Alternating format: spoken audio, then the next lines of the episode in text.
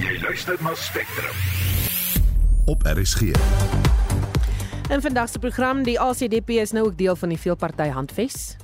ons voel dat ons wel beginsels kan bydra tot hierdie veelparty handves oor hoe om suksesvolle koalisie regerings te formuleer in die toekoms wat stabiel kan wees. Swart Woensdag word vandag herdenk. Ons praat met 'n veteraan joernalis oor mediavryheid en 'n humanitêre korridor gaan 'n verwagting môre vir Gaza se inwoners oopgestel word. Welkom by Spectrum. Die span is eh, se redakteur is Wessel Pretorius, ons produksieregisseur Daitrin Godfrey en ek is Susan Paxton.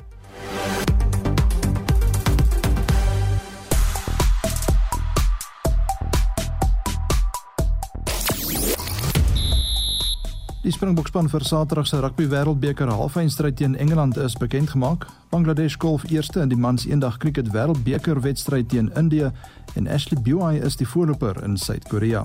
Ek is Shaun Jooste vir RSG Sport. En op Facebook praat gebruikers oor die ongemagtigde biografie van Derek Hougaard wat onlangs verskyn het. Luister na die potgooi op RSG se webwerf waar daar gepraat word met die skrywer van die biografie Brendan Nell en hier is 'n greep. Daar's baie van sy uitspanmaats en dit wat nie oor hom wou praat nie. Baie van hulle het probeer om hom te help. Baie van hulle het probeer om om hom uit uit die pilverslawing te kry en dit nie gewerk nie. Maar jy jy begin maar soos enige enige storie, jy begin met almal praat wat naby is. Sy familie, hy het vir hulle gesê hulle moenie met my praat nie. So dit het dit bietjie moeiliker gemaak, maar daar was baie van sy boesemvriende, die strooijonkers by sy troue wat regtig geworried was oor hom en hulle het gevoel die storie moet uitkom want hulle weet nie meer wat om te doen om hom uit hierdie situasie te kry nie.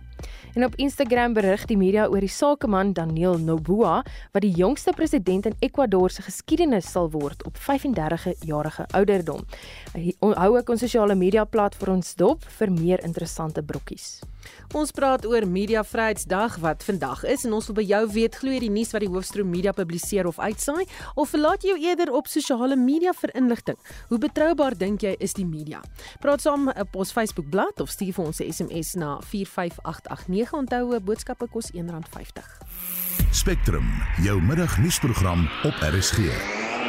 En dis nou bykans 8 minute oor 12. Die ACDP het vanoggend formeel deel geword van die veelparty handves as alternatief vir die ANC in volgende jaar se algemene verkiesing. Die ACDP het ook terugvoer gegee oor 'n werkswinkel in Berlyn, Duitsland oor die beste praktyke wat waargeneem kan word in suksesvolle koalisieregerings.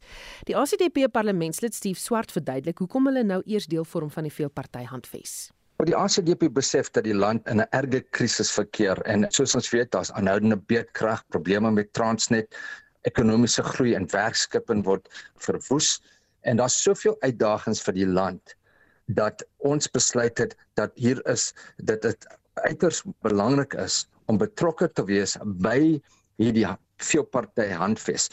Jy moet onthou dat die veelparty handves is nie eintlik 'n koalisie, dis 'n bespreking van die reëls vir 'n toekomstige koalisie. En gevolglik aangesien ons reeds in 'n deel is van suksesvolle koalisieregerings met die DA, met die Vryheidsfront Plus en sekere metros in die land, voel ons dat dit nou belangrik is om saam met die oppositiepartye saam te staan en die reëls soos vervat in die veelparty handves uit te klaar sodat na die volgende jaar se verkiesing wanneer ons weet wat elke party se steun is dat ons daadwerklike koalisies dan kan formuleer. Ons wil dit ook net baie baie duidelik stel dat hierdie stap is ook om kiesers te te beïnvloed om saam te kom al ons kiesers by die veelparty handves asook dat ons onder geen omstandighede die ANC of die EFF in enige koalisie sal ondersteun. Hulle het reeds ontsettende skade aan die land en die mense gedoen.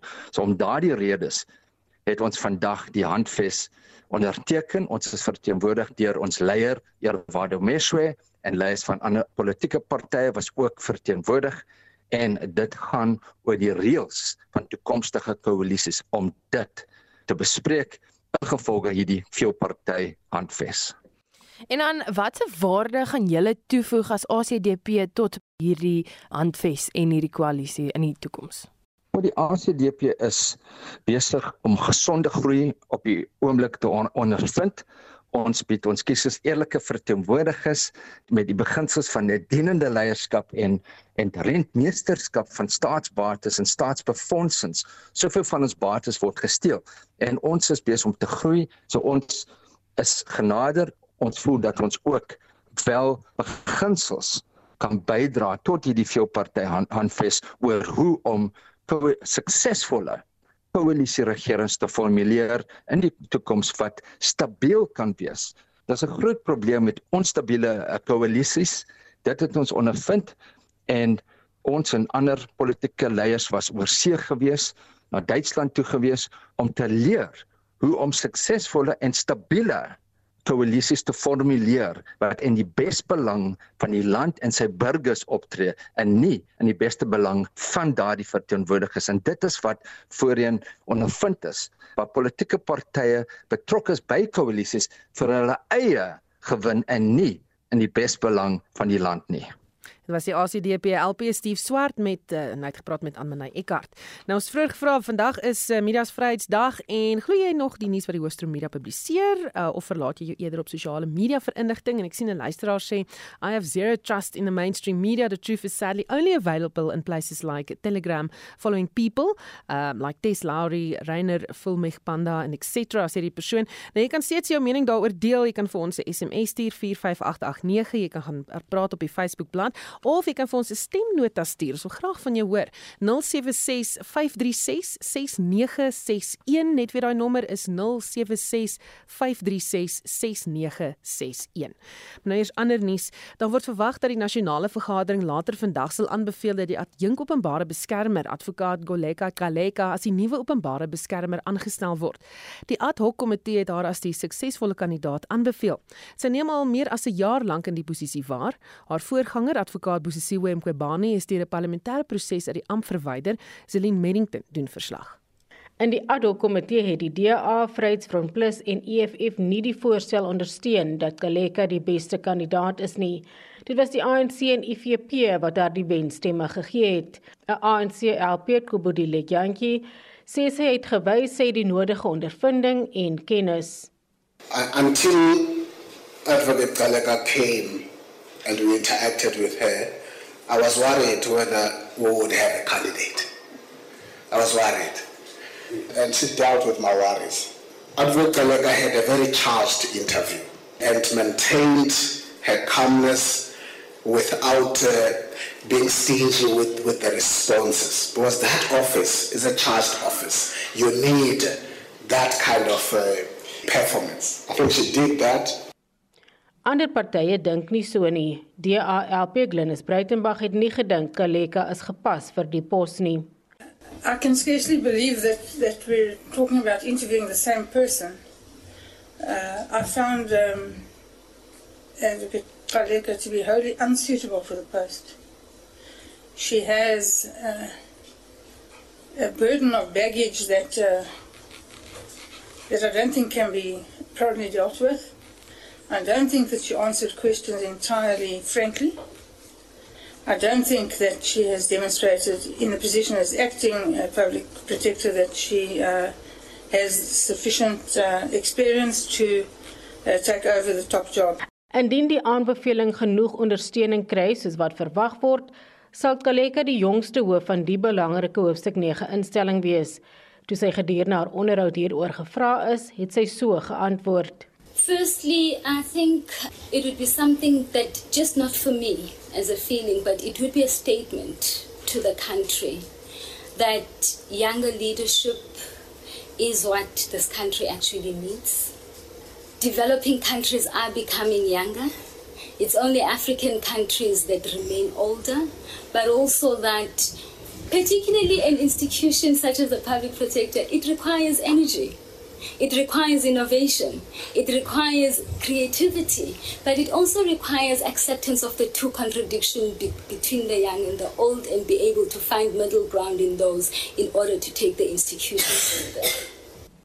In die nasionale vergadering vanmiddag sal partye die saak debatteer en daaroor stem. Kaleka het die ondersteuning van 60% van LPs nodig. President Cyril Ramaphosa doen die aanstelling op aanbeveling van die vergadering. Zelene Merrington, Parlement. Israel se weermag sê hy het oor die afgelope 24 uur honderde teikens in Gaza getref.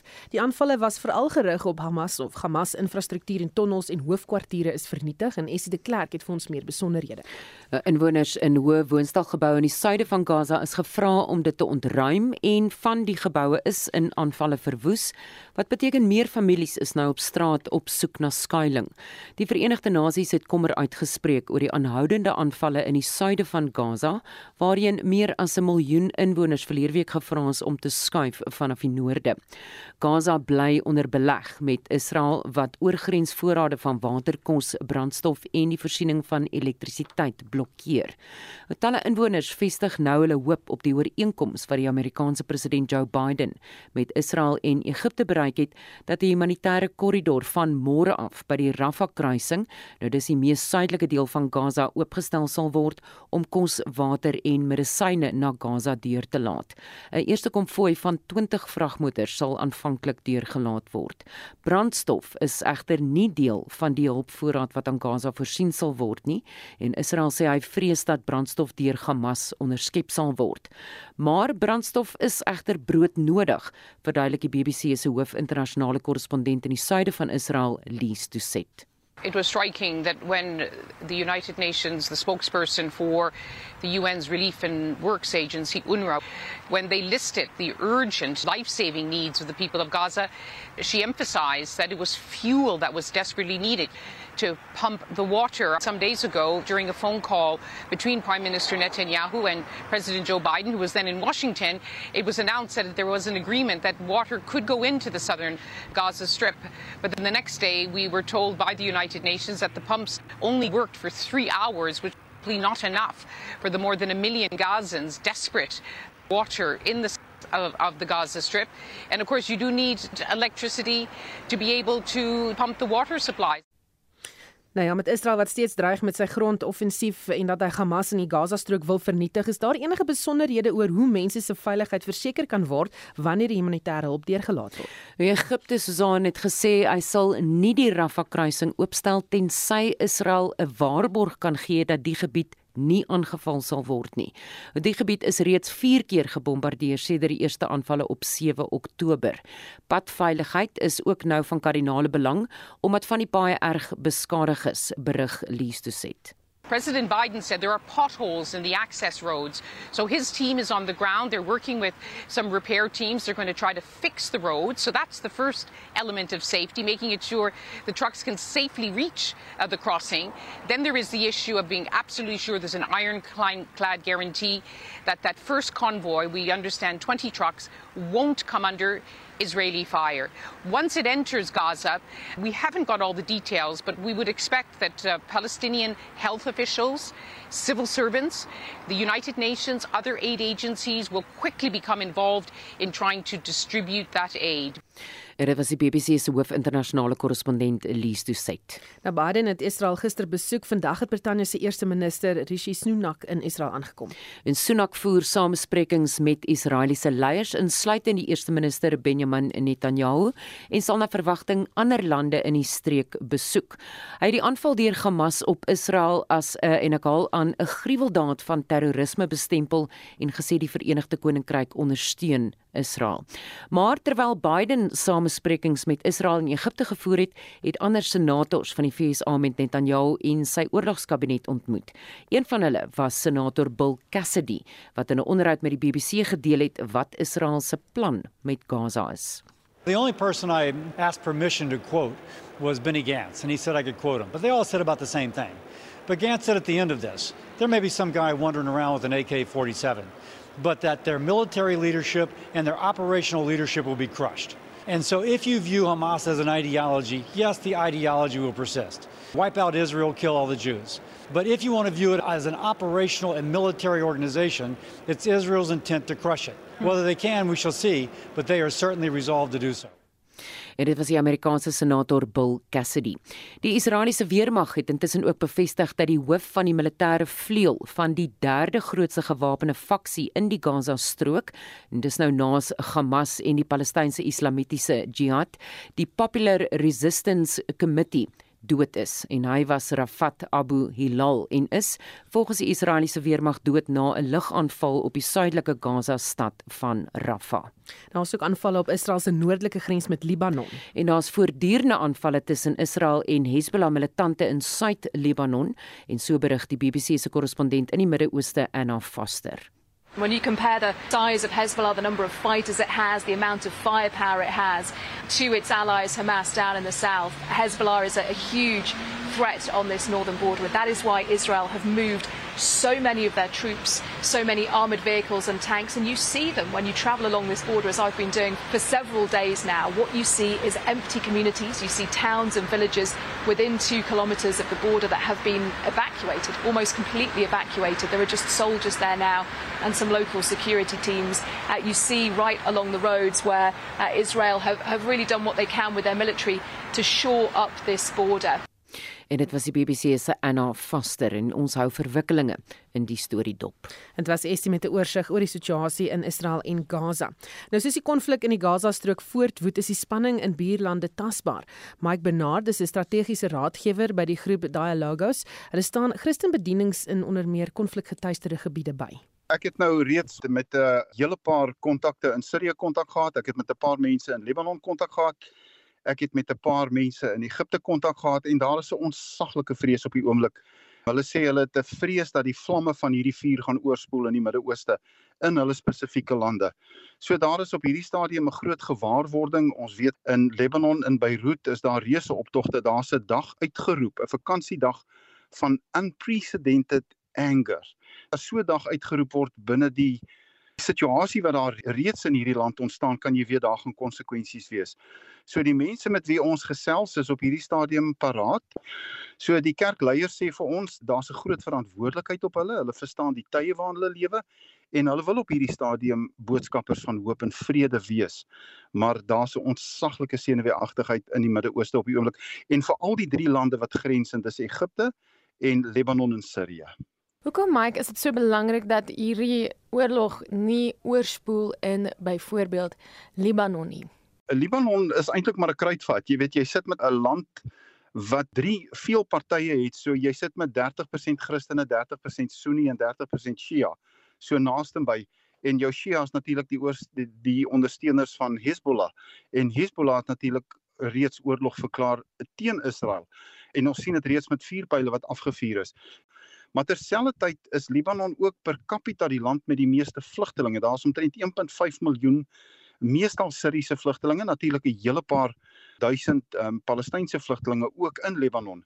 So Libanon gaan deur 'n geweldige ekonomiese krisis, dit gaan deur 'n mensekrisis met een uit elke 4 mense in Libanon tans wat 'n vlugteling is. So ons kan net dink as die oorlog oorspoel Libanon toe en dit is natuurlik iets wat Hezbollah op hierdie stadium aanjaag. Dit is hierdie uittarting heen en weer oor die grense wat die gewone mense op die straat in 'n geweldige krisis plaas. 80% van die land se bevolking lewe onder die broodlyn en wat die vlugtelinge betref praat ons van omtrent 99%. So sou daar 'n oorlog uitbreek, kyk ons na 'n geweldige humanitêre krisis van mense wat gaan sterf. En dit was Mike Bernard, 'n strategiese raadgewer by Dialogos, 'n organisasie wat Christenbedienings in onder meer konflikgetuieerde gebiede ondersteun en hy het met Marlenae Forsie gepraat. Groothandelssyfers het in Augustus jaar op jaar met 1,4 indekspunte gestyg. Seisoonaal aangepaste syfers het met 3,3 indekspunte in Augustus gestyg. Statistiek Suid-Afrika het vroeër die syfers bekend gemaak. Ons praat nou met die ekonom Ulrich Huberti oor. Goeiemôre Ulrich. Goeiemôre Susan. Kom ons kyk gou presies wat meet hierdie groothandelssyfers. Wel, dit is maar die uh, die syfers van die groothandelverkope aan jou kleinhandelsektor of aan direkte verbruikers van grootmaatprodukte. So uiteindelik ehm um, ja, dit dit gee vir jou 'n aandering van tot watter mate jou kleinhandel aan die gang is of dan nou spesifieke sektore van die ekonomie aan die gang is en dan uh, daai verkope stimuleer uit jou groothandelsektor. Ehm um, en en wat interessant is as ons na hierdie syfers kyk en ons kyk na byvoorbeeld die 3 maande periode uh en teen huidige pryse dan het ons daar gehad 'n um, afname maar uh, wat interessant is is dat masjinerie en toerusting het eh, met 28% toegeneem wat eintlik vir ons sê, "Mm, dit lyk so asof daar baie mense is wat sonpanele en omsetters op wisselrigters en batterye en die soort van goed gekoop het om meer onafhanklik te raak van die kragonderbrekings wat ons almal beleef het in Suid-Afrika die afgelope jaar. Hmm. Wat ons egter ook na kyk is as mense nou eh, kyk na die syfers van die periode van die begin van die jaar tot Augustus, dan sien ons dat daar was 'n afname in hierdie gordel verkope uh, of 'n inkrimping van hierdie verkope van 1.5%.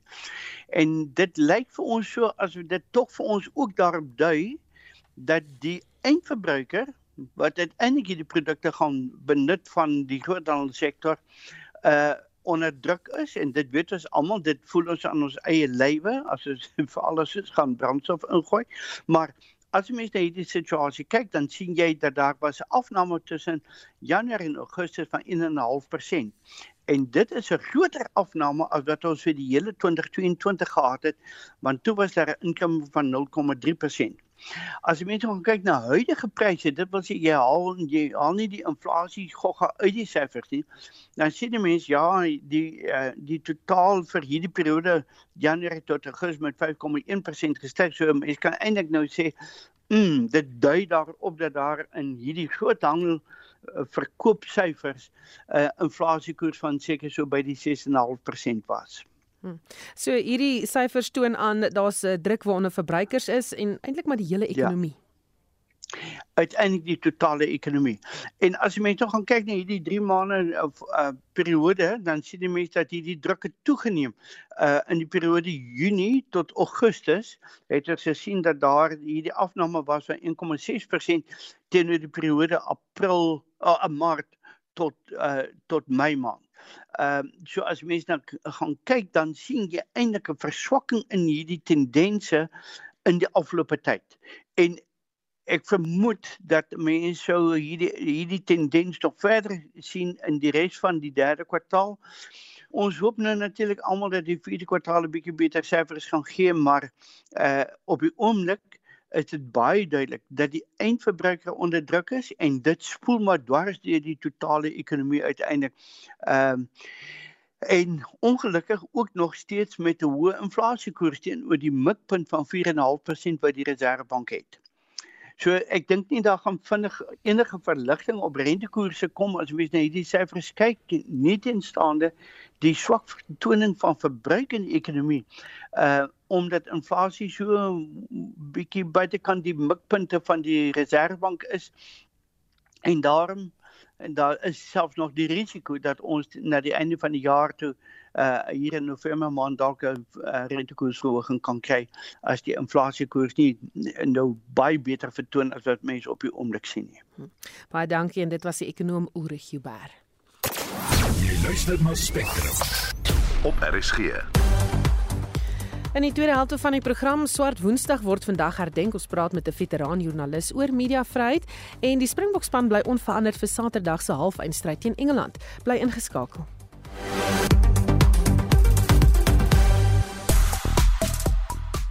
So ons praat oor uh, hoofstroom media hier op Media Vrydag en of jy nog uh, die media kan vertrou en of jy staat maak op nuus op sosiale media. Manus Kutse sê nee, die hoofstroom media kan maar moeilik vertrou word. Joernaliste het aktiviste geword en is nie meer joernaliste nie en daarom rapporteer hulle vanuit hulle of hulle mediahuise invalshoek en politieke en ideologiese voorkeure. Feite word verdraai om die narratief van die agenda te pas. Hans Haggard sê nee, geen nuusinstelling kan meer geglo word nie, ook nie RSG nie. Julle praat wat julle basis sê en elkeen rapporteer waarin hy of sy glo. Dis baie interessant Hans ons altyd moet gaan vra by die base. Ehm um, dan Rosaline Rudy de Bruin sê die meeste is propaganda aan leens. Ondersoek als eers want ons word beheer deur kriminele en misdaadsyndikaate. Uh, dan is daar luisteraar wat sê uh, nee wat ek glo nie in uh, enige media nie, dis onbetroubaar. En Bram Lourens sê ek sê dit 2010 Naspers Free. Die rede is dat sosiale media 'n nuwe dimensie in die nuusbedryf ontketen het en ek kon weier kyk as News24 om my in te lig. Sosiale media die vals nuus, weerhouding van sekere nuus en inligting, skepping van vals narratives, uh, is dit die hoofstroom media ontbloot. Nou ja, dit bring my by die vraag, hoe maak jy seker dat dit wat jy op sosiale media sien wel reg is en geverifieer is en dat dit wat jy daar lees selfs op Telegram of WhatsApp wat vir jou aangestuur is kan verifieer. Weet jy waar dit vandaan kom? As jy die resep het vir hoe om vas te stel dat dit ware nuus is, stuur vir my daardie boodskappe 45889 want dan kan ons ook dalk ietsie leer daaroor. Vir jongste sportnuus sluit Shaun Joosten nou by ons aan. Goeiemôre Shaun. Middag Susan.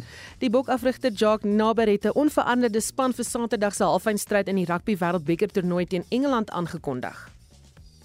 Ja, as die eerste keer tydens die toernooi in Frankryk dat die span onveranderd bly en slegs die tweede keer sedert Rassie Erasmus en Jacques Naber oorgeneem het. Die span is ook die mees ervare span in Springbok geskiedenis met 895 toetse agter die rug en 15 van die 23 tal het in die 2019 eindstryd teen Engeland gespeel. Die span lyk soos volg: heel agter Damian Willemse, vleuels Kurtley Arendse en Jesslyn Colby. Die senters is Damian Dalende en Jesse Kriel. Kobus Reinig en Mani Libbok is die skakelpaar. Dwayne Vermeulen die agste man. Pieter Stefte Toy en kaptein Sia Kolisi is die flanke. Eben Etzebeth en Franco Moster die twee slotte. Steven Kitsoff en Frans Malherbe die stitte en Bongie Benambi die haker. Op die plaasvervangersbank dek Dion Fourie, Oxenche, Vincent Koch, RG Snyman en Kwagga Smith die voorspelers en Faf de Klerk, Andre Pollard en Willile Roo die agterlyn. Die kragmeting skop die aand 9uur af en word regstreeks hier op RSG uitgesaai. Die mans eendag kriket wêreldbeker toernooi speel die gasheer Indië vandag teen Bangladesh. Wat is die jongste dag? Ja, Bangladesh het die lood vanoggend gewen en gekies om eerste te kolf. Nou die jongste telling 133 vir 3 dit is na 25.4 balbeurte. Dan Ashley Buhai vaar uitstekend in Suid-Korea en Desiree Ellis maak haar Banyana Banyana span vir die Olimpiese kwalifikasiewedstryde later bekend. Ja, Buhai het die eerste ronde van die vroue BMW kampioenskap as die voorloper op 10 houe onder die baansyfer geëindig. Sy is 1 hou voor die Amerikaner Allison Lee. Ja, Desiree Ellis kondig die span vir die twee kwalifikasiewedstryde teen die Demokratiese Republiek, Republiek van Kongo vanmiddag 3 uur af. Die eerste van twee bene vind Woensdag 25 Oktober plaas. Baie dankie, dit was Shaun Jooste van RSG Sport. Spectrum, jou middagnuusprogram op RSG. Dis nou 12:35 25 minute voor 1 die gebeure op 19 Oktober 1977 ook bekend as Swart Woensdag het gelei tot nasionale persvryheidsdag wat vandag gevier word. Vandag presies 46 jaar gelede het die destydse minister van Justisie, Jimmy Creer, verskeie redakteurs in hegtenis laat neem. Hy het ook koerante en talle swart bewustzynsorganisasies verbied en ons praat nou hieroor met die skrywer, politieke ontleder, veteranjoernalis en DSA-redakteur van die aanlyn koerant Vrye Weekblad, Max de Pre. Goeiemôre Max. Goeiemôre Susan. Skiet net kortliks vir ons die aanloop tot die gebeure van 19 Oktober 1977. Wel dit was 'n maand na die nadat Steve Biko die swart bewussynsleier uh in 'n sel dood is weens polisie optrede. Ehm um, en dit was 'n uh, jaar en 'n paar maande na Soweto 1976 met die opstande daar. So dit was 'n 'n 'n tyd met 'n baie hoë politieke temperatuur en na die dood van Steve Biko uh, wat natuurlik nie 'n ANC man was nie, hy was 'n swart bewussynsman. Maar toe was daar 'n gekook uh, oral in die townships en en so aan en die regering het besluit hulle moet hierdie ding op sy kop slaan. En die belangrikste koerant wat hulle verbied het was The World. Ek onthou ek was 'n baie jong joernalis en ek ry daai oggend van 19 Oktober 1977 deur die strate van Pretoria en die Star koerant se plakate sê government bans the world. Dit dog ek ja, regering as die regering die wêreld kon verbied sou hy. Uh, dis hoe dit toe gegaan het. Die redakteur Percy Koboza is toe in hegtenis geneem en vir 5 maande sonder verhoor aangehou. So eh, 'n uh, rowwe tyd. Max, ek wil nou nie jou ouderdom weggee nie, maar jouself gesê jy was 'n jong joernalis toe. Ehm um, hoe het dit gevoel? Was jy vreesbevange? Wat het deur jou gegaan op daai stadium? Nee, ek, ek ek moet eerlik wees, ek het verbeeld gewerk op daai stadium en ek het mos geweet die Afrikaanse, die wit koerante is veilig. So my vrees was nie vir myself of vir my koerant vir week vir gewerk het nie. Ehm um, dit was meer 'n diepe besorgdheid oor wat gaan van ons word as ons joernaliste se stemme stilmaak. Ehm um, wat gaan van ons hoe gaan ons polities ontwikkel as ons nie mag hoor wat die meerderheid swart stemme en hulle joernaliste sê nie. Uh dit het my diep bekommer, maar ek het persoonlik veilig gevoel die Afrikaanse media het geglimlag hieroor. Hmm. Hoe drakonies was die maatreëls teen die media? Sê weer? Hoe drakonies was die maatreëls teen die media? Hoe daarna het dit nogal rof gegaan. Uh daar was 'n heel wat wetgewing uh wet op die onderdrukking van kommunisme, die wet op interne uh sekuriteit en so aan wat ons aan bande gelê het. Ehm um, ek het 'n lang lys kriminele oortredings op my kriminele rekord van wette wat ek oortree het in terme van persvryheid. Um, om mense aan te haal wat verbied was. Uh ek het twee daarvan. Ehm um, daar was ehm um, toestande van en, en daar was noodtoestande afgekondig. En onder 'n noodtoestand mag jy nie sê wat gebeur in die plek waar daar 'n waar daar 'n roering is nie. En ek het twee van hulle ook wat ek geskryf het oor wat gebeur in Soweto en Alexandra terwyl daar 'n noodtoestand is en die regering sê niemand mag weet wat daar aangaan nie. Ehm um, ja, so die die persvryheid onder die apartheid regering uh, was 'n bietjie van 'n grap. En dit het reg deur gegaan ehm um, tot in die laat 80s toe uh, uh, New Nation is ook verbied Weekly Mail is op beslag uh, verbied. 'n New Nation se redakteur, Zolaki Sisulu, wat later die SAIK hoof geword het, uh, is ook in die tronk gesmey.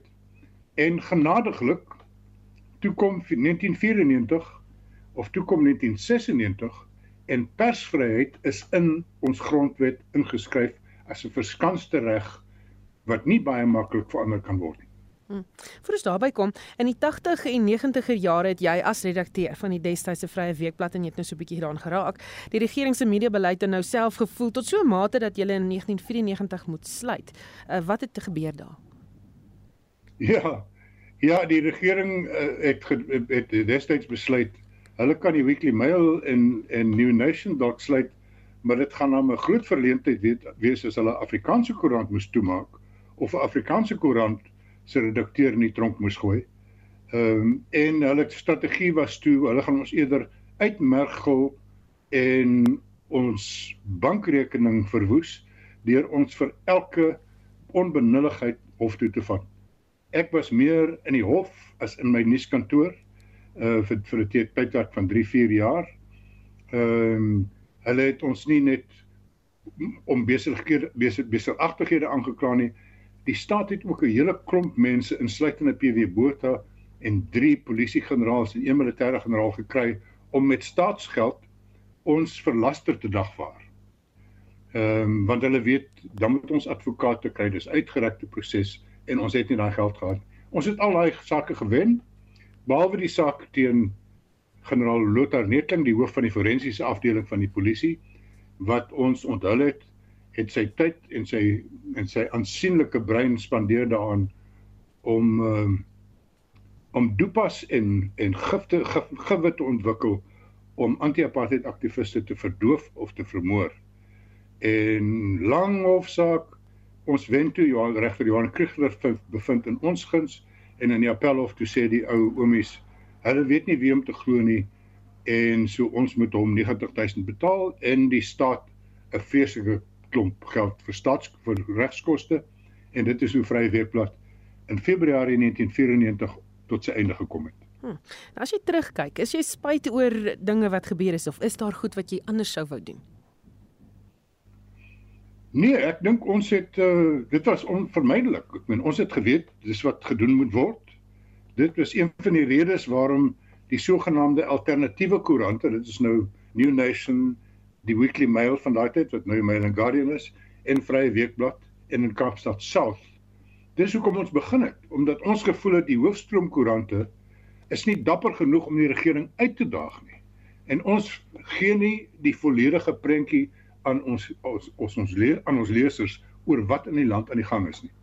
So ons het gegaan met 'n middelvinger vir die apartheid regering gesê ons gaan hierdie goed skryf julle kan ons net maar toesluit wat hulle natuurlik toe gedoen het Maar Vrye Weekblad herleef weer uh, in 'n aanlyn vorm. Ehm um, hoe lyk mediavryheid vandag in Suid-Afrika in vergelyking met 1977? Ek is ek is baie bly om te kan sê die media in Suid-Afrika is so vry soos in enige ander land, soos in enige ander westerse demokrasie. Uh vryer as die meeste lande so ek sê by verre die vryste in Afrika. Uh eenvoudig omdat persvryheid en spraakvryheid opgeteken staan in ons handves van regte in ons grondwet. So as ons as iemand aan persvryheid raak, al wat ons doen is ons gaan hof toe en die howe al die pad op tot by die konstitusionele hof sal sê julle mag dit nie doen nie, dit is teen die grondwet. Maar Susan, die vraag is nie wetlik gesproke hoe ons hoe vry ons is nie. Die vraag is wat maak ons met daai vryheid? want ek het vanmôre ook na RSG geluister en 'n paar goedjies hier goggas gehoor. Ehm um, die sogenaamde ons want ons praat nou van die sogenaamde hoofstroom hoofstroom media wat die die propagandiste praat van die MSM die mainstream media. Ons het 'n probleem met propaganda. Ons het 'n probleem met ons eie geloofwaardigheid. Ehm uh, so klomp klomp klomp klomp mense wend hulle deesdae tot YouTube of Telegram of of WhatsApp groepe ehm um, vir hulle nuus en vir hulle vir hulle inligting oor hoe hulle oor hulle wêreld moet dink.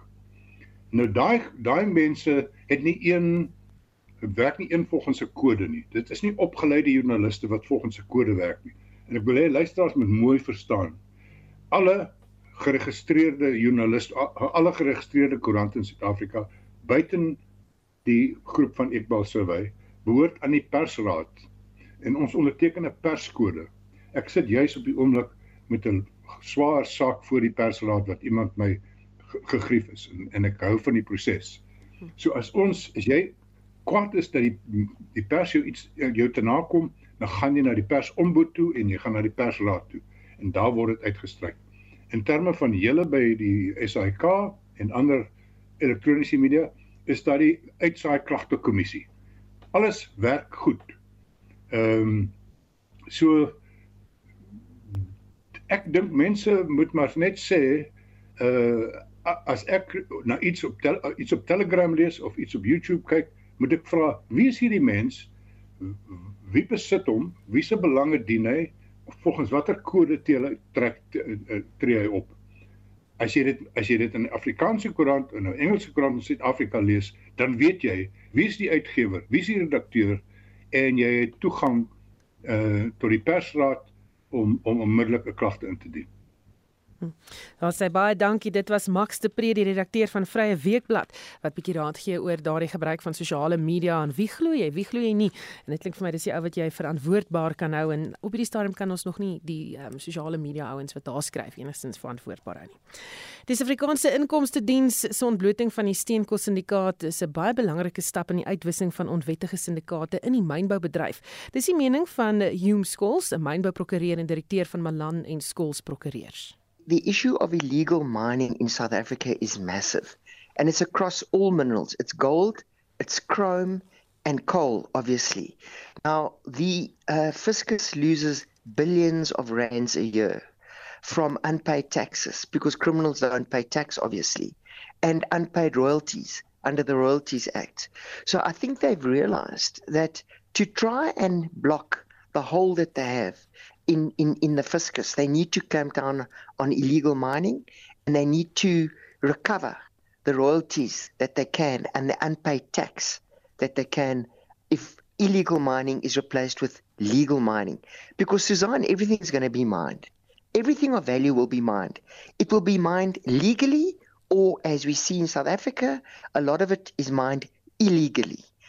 Gold, for example, the Minerals Council estimates that 25% of South Africa's gold export is illegally mined gold. The problem is massive. Skool sê die syndikaate het vasdra plek in die mynbousektor gekry omdat daar geen polisieering plaasvind nie en weens armoede. criminals are very often a sophisticated business enterprise and they expand in, into any industry where there's lack of enforcement.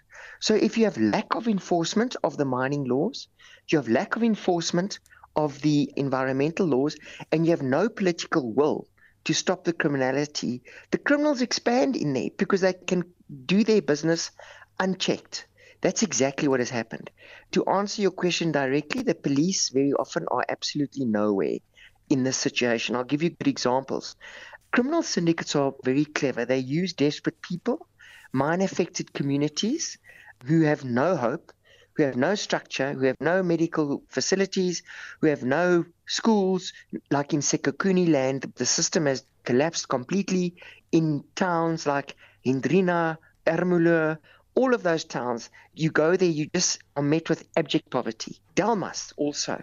So the criminals see this and they promise these impoverished people jobs, give them some form of hope, and they use them to blockade mines, to try and extort some form of procurement contract, coal contracts, or to get the criminal syndicates involved directly in the mining.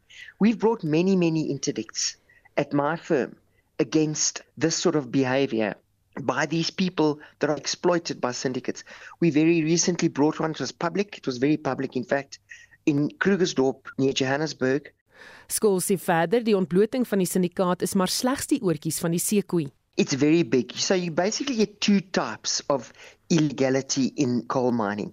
The first one is you get the issuing by corrupt government officials of mining permits in circumstances where the applicant is politically connected and they do not, for example, comply with environmental laws. The National Environmental Management Act, as it feeds into the to the mining sector, requires you to have an upfront deposit for environmental rehabilitation. Corrupt government officials allow mining permits to be issued without the environmental authorization. So what you have is you have somebody that on the face of it has a lawful mining permit they make no provision for rehab. They don't rehab. They mine the coal, they sell it into the market, and they disappear. Then you have an environmental consequence that the South African public has to suffer. The second type of criminality is more in your face criminality, more unsophisticated, brazen criminality, where coal trucks are hijacked, the coal is stolen, and it is taken to blending yards where good quality coal, which is hijacked, is mixed with very poor quality coal, and that is then corruptly sold into Eskom. So what Eskom gets is a poor quality coal going into our power stations. It gets so bad that sometimes you have basically shale going into our power stations, and that's causing damage to the turbines and damage to the system, the mechanical system at the coal power station. So those are basically the two types of criminality that you get. En dit was Hume Skols, 'n mynbeprokureur en direkteur van Malan Skols Prokureurs. Die mynbousektor het geen ander keuse as om te hervorm om ook klimaatsverandering in ag te neem en te te werk as die sektor nog relevant wil bly nie. Die bestuurshoof van African Rainbow Minerals, Andre Joubert, sê dit is om die rede dat hulle pas 'n vennootskap met die Universiteit Stellenbosch aangegaan het om 'n nuwe geometallurgiese navorsingsleerstoel te vestig. Joubert sê die navorsing daar sal die mynbousektor omvorm. In African Rainbow Minerals, ons is 'n mynboumaatskappy, maar uh, ons het baie duidelik uh, sekere kriteria waarin ons uh, glo wat ons moet doen om ons toekoms vir die maatskappy te te verseker en een van dit is twee van die wat ek wil uh, uitlig is die een is 'n uh, wat ons nou maar in Engels sal sê entrepreneurial spirit en die ander een is embracing of technology and innovation.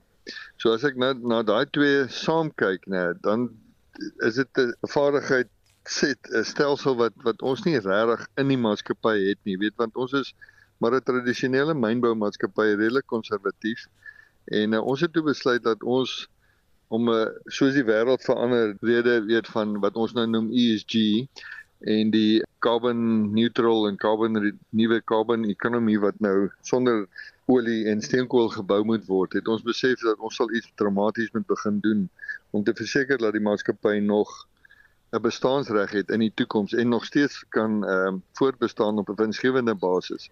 En op daai basis het ons besluit dat navorsing en ontwikkeling 'n baie belangrike deel van ons toekoms gaan word.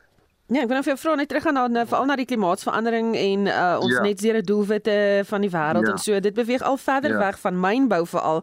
Is, is dit hoekom jy dink dat hierdie leerstoel is so belangrik? Ja, want want dit is nog ek bedoel as jy as jy kyk alles wat die carbon neutral wêreld gaan nodig hê, baie van dit kom uit mynbou uit. As jy dink die elektrifisering wat gedoen moet word in die elektriese kabels, die elektriese motors, die battery tegnologie, al daai dinge, die rou materiale van dit moet van die mynbou afkom. So ons moet onsself regmaak vir daai ding, maar in die proses om hierdie produkte te produseer en te verskaf aan die wêreld, moet ons seker maak dat ons self ook nie nog verdere carbon emissions en negatiewe impak op die omgewing gaan hê nie. So ons moet on, dit wat ons heidaglik doen op 'n baie beter en en as ek nou maar kan 'n Engelse terminologie gebruik, 'n baie smarter manier doen. So ons moet verander en ons moet die wat ons nou noem die zero waste en die zero carbon ekonomie en en die toekoms moet ons nastreef. En om dinge te doen soos wat ons dit tot nou toe doen, sal ons dit nie regkry nie. En dis hoekom ons besluit het om met die universiteit hierdie navorsingschair partnership aan te gaan sodat ons die benodighede en die behoeftes van wat die mynbouindustrie nodig het om daai transformering te doen en intelligensie en die intellek en die in die navorsingsvermoë wat die universiteite het om daai twee bymekaar te bring sodat ons 'n goeie toekoms vir die wêreld en natuurlik vir ons maatskappy kan verseker. Dit was Andre Jobari, bestuurshoof van African Rainbow Minerals. Is die die nuus en ontwikkelende stories dop en ons begin by die Suid-Afrikaanse kabinet wat eis dat die internasionale strafhof volksmoorde moet ondersoek in die oorlog tussen Israel en Hamas. Duisende mense in Israel en Gaza is reeds dood sedert Hamas Israel op 7 Oktober binnegeval het en 10 duisende meer is beseer. Die minister in die presidentskap, Kombutso Ntshavheni, het die media toegespreek na gister se kabinetsvergadering. Cabinet calls on the International Criminal Court to investigate the bombing and the crime of genocide in this conflict. Die voorsitter van die parlementêre portefeulje komitee vir openbare ondernemings, Kaya Magaka, sê daar heers kommer oor 'n string bedankings van hoofde in staatsentiteite. Transnet se bestuurshoof, Porsche Dabi, Transnet se groep finansiële beampte, Nonkululeko Dlamini, die voorsitter van die Eskom Raad, Mpomakwana en die bestuurshoof van Transnet se spoorvragagentskap, Zizakele Mzamela, het almal onlangs bedank. Vrae is ook geopper oor die afwesigheid van bestuurshoofde in belangrike staatsentiteite, insluitend die SAIK, Eskom, Transnet, Denel en SAL. The portfolio committee is concerned about this resignation. And more importantly, we are also worried about them leaving before they actually present their annual report to us. That is also a big headache to us. However, one must understand that our role is oversight. The shareholder, which is the minister, is the one that is uh, driving the entities with the executive and the board. And we will be in a position to have position when we get an opportunity for them to report to us. In die Vrystaat sê die provinsiale departement van gesondheid 'n nadoodse ondersoek sal gedoen word om die oorsaak van die dood van twee meisies in Vredefort te bepaal. Volgens die departement is die nooddienste ontbied nadat twee meisies wat onderskeidelik 3 en 4 jaar oud is, oud was, na bewering iets geëet het wat hulle by 'n plaaslike snoepwinkel gekoop het en bokkoors loop hoog in Suid-Afrika en veral onder ondersteuners in Frankryk met die halfeindstryde van die rugby wêreldbeker toernooi wat die naweek gespeel word. Nieu-Seeland kom môre teen Argentinië te staan terwyl die Springbokke Saterdag teen die Engelse Rose uitdraf. Die SAIK se Simon Burke is in Parys in Frankryk waar Springbok ondersteuners begin aankom het. While the euro to rand exchange rate does work in favor of the Europeans, it seems that South Africans are willing to dig deep into their pockets to see their beloved Springboks try to make history in a replay of the Rugby World Cup final of 2019, this time in the semi final, as they look to become an unprecedented fourth world rugby champion. En dit was die SAK se Simon Burke wat verslag doen uit Parys in Frankryk. Dit was Estie met 'n oorsig van nuus en ontwikkelende stories hier uit Johannesburg se ateljee. Dankie Estie. Dit is vinnig voor ons groet nog 'n paar mense se kommentaar oor glo jy nog in die media, hoofstroom media en 'n luisteraar wat sê BBC is glad nie 'n betroubare nuusagentskap nie, maar die persoon sê nie hoekom nie. Maar dan is daar Bets Ferreira wat op Facebook sê daar's 'n mate van kontrole oor die media en jy kan 'n klag lê as iets jou pla. Op sosiale media skryf elke Jan Rapp en sy maat net wat hy wil. So ek glo niks daarvan nie, nie een woord nie. En dan Wayne Kitching wat sê ground news gee dieselfde storie uit verskillende oogpunte. Sosiale media raak al hoe minder betroubaar. Ek vertrou sekere YouTube kanale, maar X is nou totaal onbetroubaar. So dis 'n bietjie van jou mening. Dankie dat jy saamgesels het. Ons groet ons uitvoerende regisseur is Nicoline de Wee, ons redakteur vandag Wessel Pretorius. Ons produksieregisseur is Daitrin Godfrey. My naam is Susan Paxton. Geniet jou middag.